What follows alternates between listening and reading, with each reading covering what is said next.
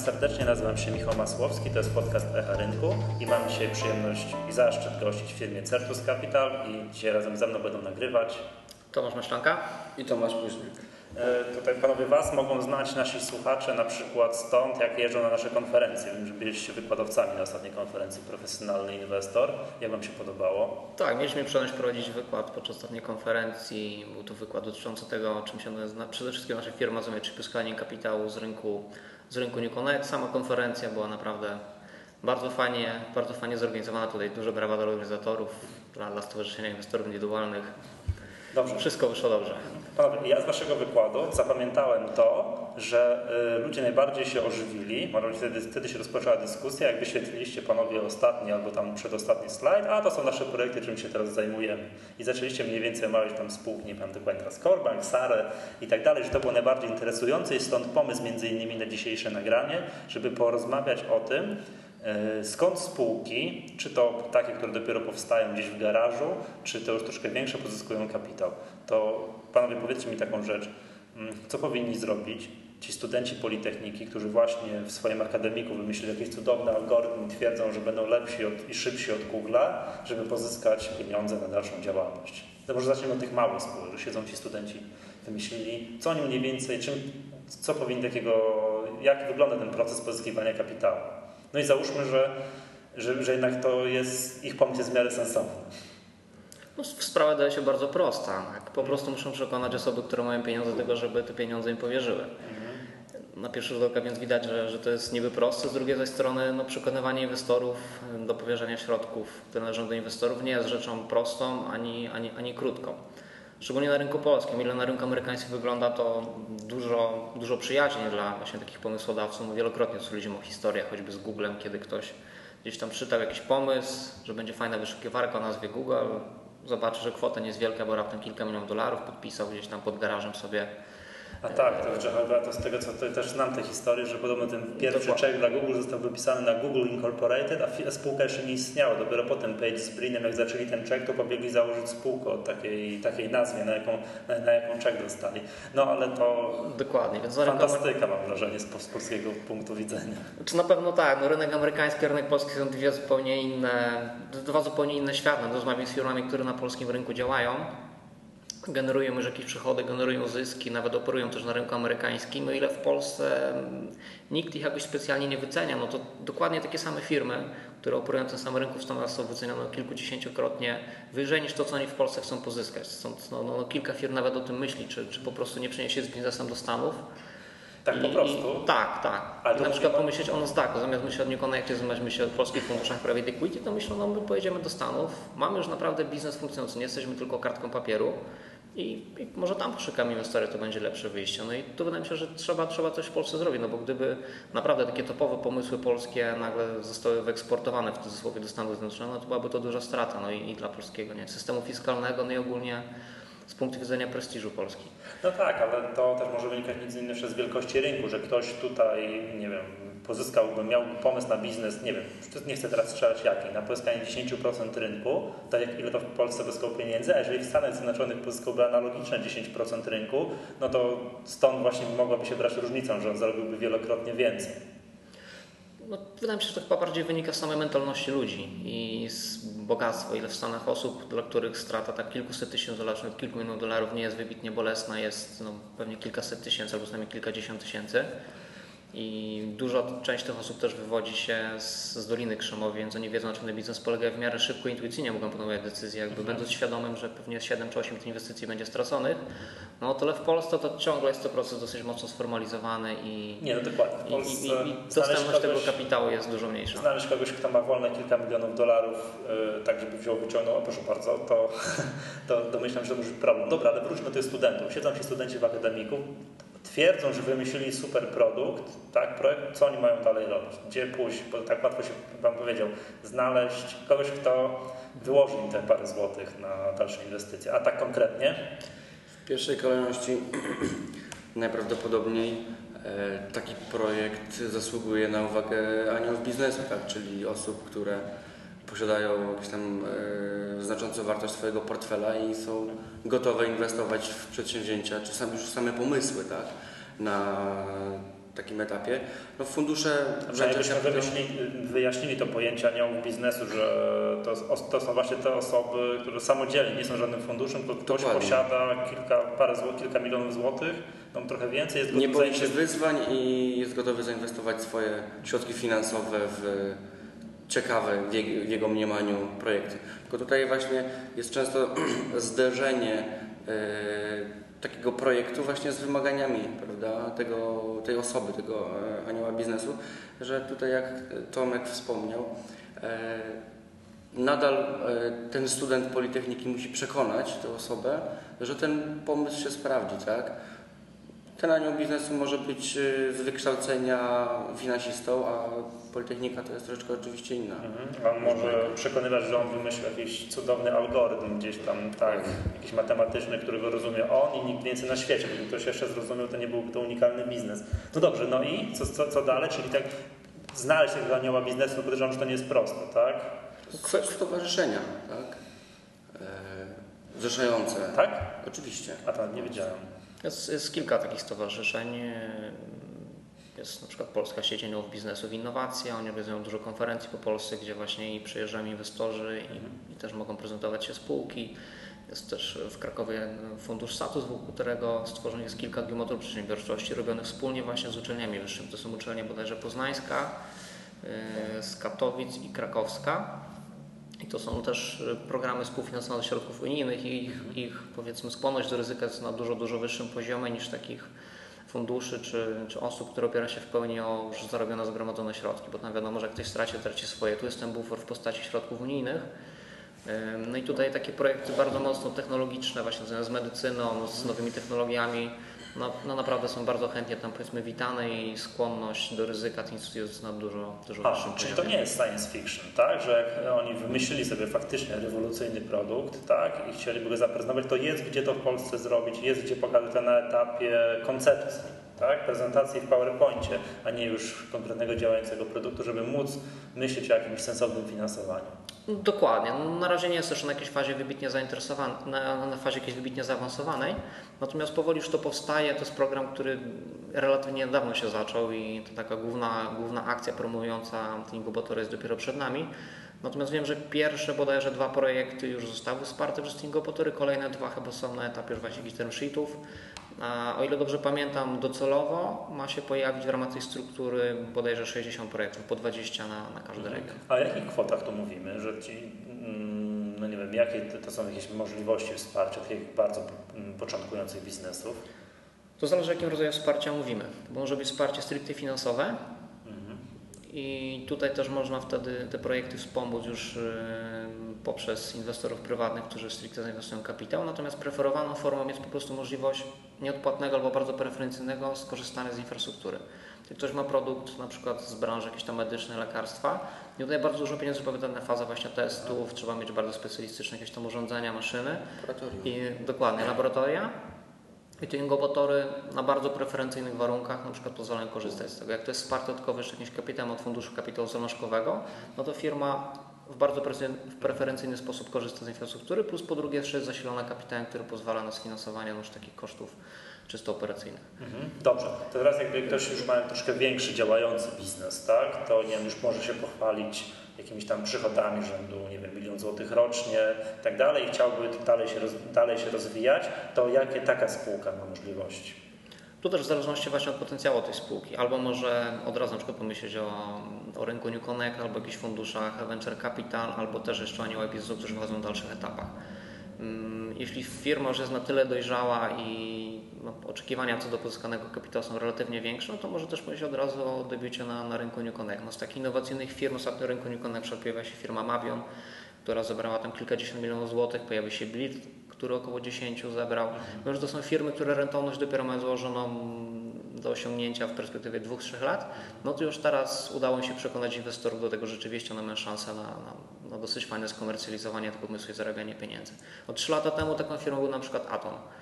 Tak, tak. tak. Atom też wchodził jako praktycznie w fazie takiej no, nie było jeszcze skomercjonowane, nie było jeszcze programu dużych sprzedaży, firma nie była rentowna. No, po dwóch, trzech latach ci, którzy zainwestowali w ofercie albo skupili na rynku prywatnym te akcje, no, no zarobili. Także Atonowi udało się z rynku jest nie fajnym przykładem, tak Dokładnie. historycznie, Tak. takiej firmy, co to trzeba było w nią uwierzyć te trzy lata temu. Tak, to jest tego, co kojarzy jedna z pierwszych spółek na New Connect. E, Tak, Atom to debiutował jeszcze dobrze pamiętam w 2007 roku i to rzeczywiście była jedna tam z pierwszych kilkunastu, być może kilkudziesięciu spółek, które zdebiutowało. No my też możemy się posiłkować przykładem spółki, którą my obsługujemy, czyli Telemedycyny Polskiej, bo na przykład taki modelowy proces finansowania. Była założona przez, przez pomysłodawcę. Firma nie osiągnęła widocznie tak jak on to planował bardzo szybko rentowności, więc yy, no stwierdził, że przydałaby się nowa osoba, która w świeży sposób spojrzy na biznes, wniesie jakiś nowy know-how, wniesie, wniesie dodatkowo też kapitał, więc założyciel i dotychczasowy jeszcze prezes, pan Ireneusz Plaza, zdecydował się na, na pozyskanie po prostu inwestora. Tym inwestorem stał się teraz główny akcjonariusz Telemedycyny, czyli Szymon Bula, który oprócz samego kapitału wniósł też duży know-how w zakresie budowania potencjału sprzedaży telemedycyny polskiej. Jak teraz o Uniplatach rozmawiam, to, to obydwoje stwierdzają, że dużo ważniejsze niż te tam kilkaset tysięcy złotych, które na, na, na tamtym etapie zainwestował Szymon, było, był ten know-how w zakresie właśnie sprzedaży, bo Szymon się specjalizuje w zakresie sprzedaży przez, przez call center, ogólnie sprzedaży przez telefon. I okazało się, że to jest idealny temat właśnie do, do sprzedaży produktów, które oferuje telemedycyna polska. tego typu działalności. Dokładnie, więc firma w tym momencie już miała tak, miała już jakiś kapitał na, na byt, miała potencjał sprzedażowy, no i stwierdziła, że teraz potrzebuje jeszcze dalszej gotówki, No. żeby sfinansować dalsze wydatki operacyjne. Ty to, że na tym przykładzie tej telemedycyny co się dalej działo? Dokładnie. I potem była jeszcze druga runda finansowania na rynku niepublicznym. Tutaj znalazło się dwóch inwestorów. Jeden inwestor to była właśnie osoba prywatna, druga to był inwestor finansowy. To była firma Go Advisors i pan Janusz Orzeł, to nie jest jakaś tajemnica, to w dokumentach jest publicznie podane. Oni zainwestowali 600 tysięcy w tą firmę bodajże 2-2,5 roku temu. Firma się rozwinęła na podstawie tych środków, osiągnęła próg rentowności, no i firma stwierdziła, zarząd telemedycyny stwierdził, że tak, firmę mamy rentowną, pokazaliśmy, że na tym da się zarabiać, teraz potrzebujemy dalszych środków, żeby zwielokrotnić i umocnić na pozycji lidera w zakresie telemedycyny w Polsce. Aby wykorzystać efekt skali. Dokładnie, żeby przeskalować ten biznes i no, firma podjęła decyzję, że albo chce inwestora już takiego dużego finansowego, albo chce wejść na rynek New Connect. No okazało się, że połączyliśmy jedno z drugim. Firma i pozyskała inwestora finansowego, fundusz BBI Seed Fund i pozyskała jeszcze pół miliona z, z rynku New Connect od, od inwestorów prywatnych. No i to jest taka modelowa ścieżka rozwoju, czyli na pierwszym etapie skać ona biznesu, który nie tylko wniesie kapitał, ale wniesie też jakiś know-how, no, pozwoli świeższym okiem spojrzeć na biznes, na drugim etapie szukać finansowania od inwestorów finansowych na relativnie niewielką skalę, pokazać rentowność i wtedy pójść w rynku publicznym. Nie, fajnie, podoba mi się. Ten przykład jest bardzo dobry, tylko wymaga od tego pierwotnego założyciela pewnej takiej złamania, powiedziałem, takiej bariery psychologicznej, że on będzie jednak, im dalej ten biznes się będzie rozwijał, tym on będzie tracił procentowo udział w spółce. No to jest, to raczej naturalne, no tego niestety nie unikniemy. Musi- Ka- ka- tak ka- być, tak, każdy, kto powierza swoje środki, no chce na tym w jakimś okresie zarobić. Im wcześniejszy etap rozwoju, tym jest większe ryzyko, tym oczekiwanie jest większe. Także jak, jak ktoś uważa, że ma pomysł sam na kartce papieru, to i ktoś włoży na to 2-3 miliony i jeszcze nie będzie chciał za to połowy jakiegoś, kapitału, no dokładnie, jakiegoś solidnego udziału, no to no może to być bardzo trudne. Tak? Nie powiem, że to jest niemożliwe, natomiast no, historia wiele takich przykładów chyba nie znajduje. Tak, w ogóle fajne jest to, to z tej rozmowy tu wynika, że dobrze, że prezes Sobolowski ten New Connect wymyślił. Bo gdyby tego New Connectu nie było i trzeba było iść od razu na dużą giełdę z wymaganiami kapitałowymi kilkadziesiąt milionów złotych, to byłoby bardzo trudno takim spółkom zaistnieć.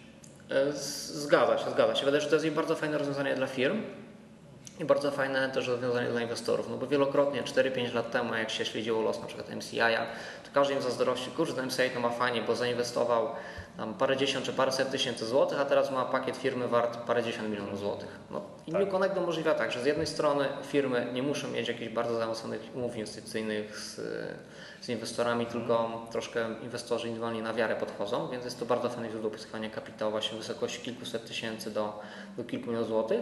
Z drugiej ze strony każdy z nas prywatnie teraz czuje się trochę tak jak ci analitycy w MCI-u. Czyli dostajemy od autoryzowanych doradców kilkadziesiąt czy tam kilkanaście ofert miesięcznie, podobnie jak takie fundusze venture capital. No i od nas zależy, czy ten projekt będzie dobry, czy będzie zły.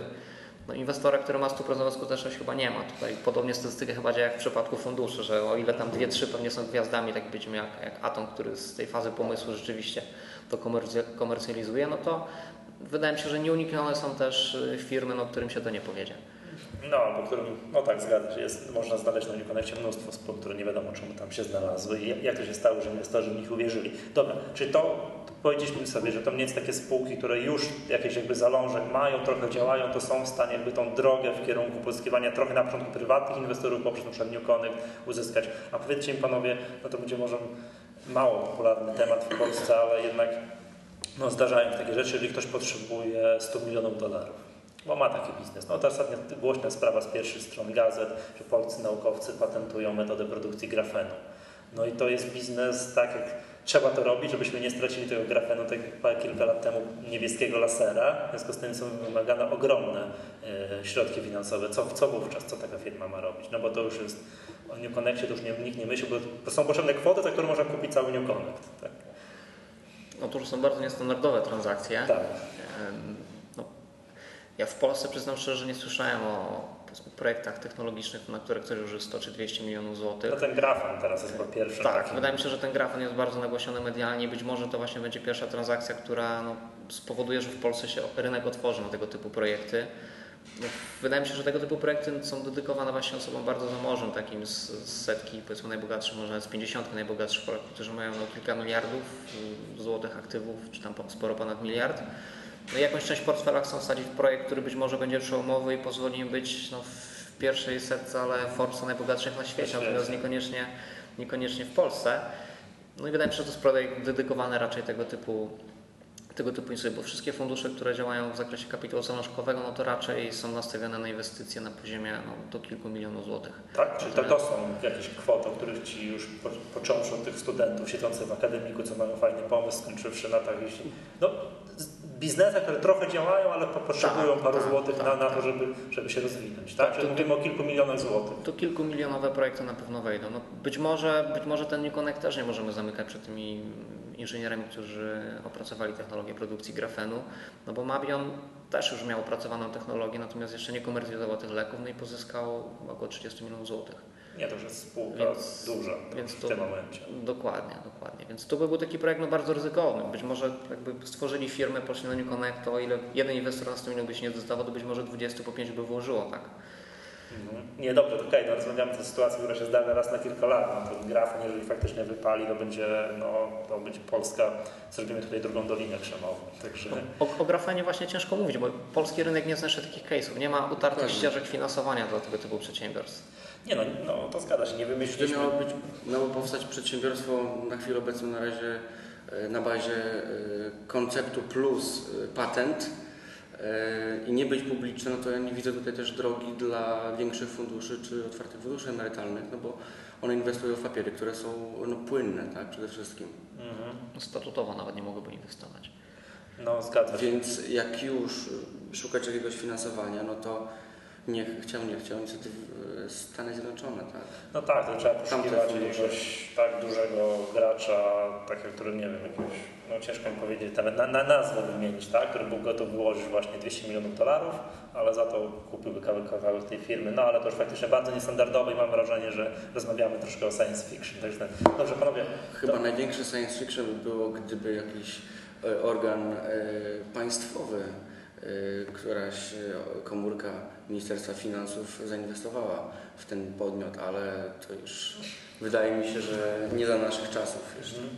Nie, dobrze, nie, mi, się, mi się wydaje, bo do nas takiego do stowarzyszenia jakiś czas właśnie zgłaszają się inwestorzy, którzy poszukują właśnie kapitału na poziomie, no teraz mi się już tak wydaje, kilkuset tysięcy do kilku milionów złotych, to jest jakby największa nisza wśród inwestorów, którzy, tak, którzy chcą, mają pieniądze z tej drugiej strony i chcą zainwestować, no to, to jakby tutaj mam wrażenie rynek, rynek się dosyć płynnie rozwija. Panowie, jeszcze na zakończenie zróbmy małą reklamę. E, to znaczy za około, znaczy za miesiąc, tak 3-5 czerwca odbywa się konferencja Wall Street, a dzień przed 2 czerwca odbywa się dzień poświęcony tylko i wyłącznie rynkowi New Connect i rynkowi Catalyst, którym no, chcemy dokonać takiego przeglądu, czym aktualnie zajmują się teraz firmy, które no, zajmują się wprowadzaniem spółek na New Connect. No i wiem panowie, że też będziecie tam obecni. Tak, będziemy obecni. Przewidziecie kilka swoich projektów. Tak, dokładnie będą to cztery projekty. W chwili obecnej właśnie decydujemy się, które to firmy będą. Na pewno będzie to firma, która wydaje mi się wszystkim sympatykom stowarzyszenia już jest znana z ostatniego e, wydania NC Biuletyn, czyli firma Binary Helix. To też firma, wydaje mi się, że no, którą wszyscy pomysłodawcy której losy wszyscy posłodawcy mogą prześledzić, bo naprawdę przeszła na ścieżkę już dwóch rund finansowania, teraz jest trzecia, wkrótce będzie czwarta.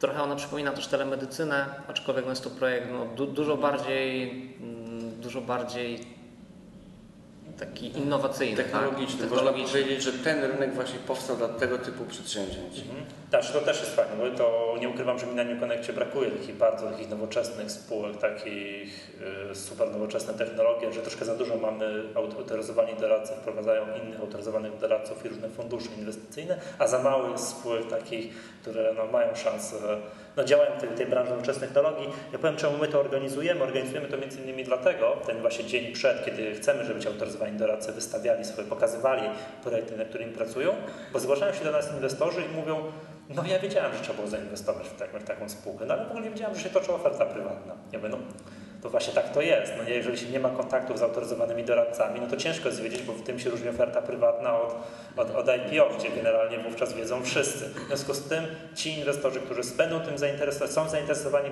braniem udziału w tego typu ofertach prywatnych, tych private placementach, to właśnie powinni z nas przyjechać dzień przed Wall Streetem i posłuchać, no między innymi Was, tak?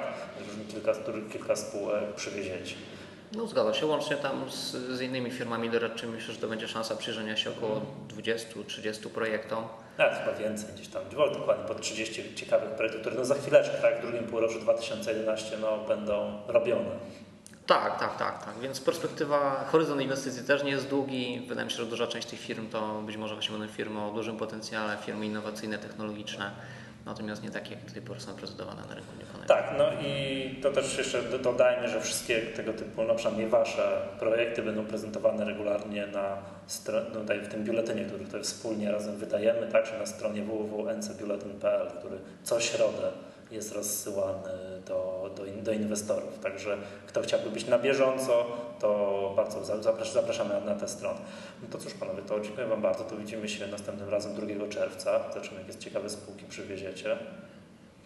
Okay, Dziękujemy bardzo i zachęcamy do odwiedzenia stoiska nie tylko naszego, ale i wszystkich innych. Postaramy się teraz co 2 czerwca. Okej, okay, dobrze. Państwa, to był podcast Echa Rynku. Nazywam się Michał Masłowski. Dzisiaj razem ze mną nagrywali Tomasz Maszanka.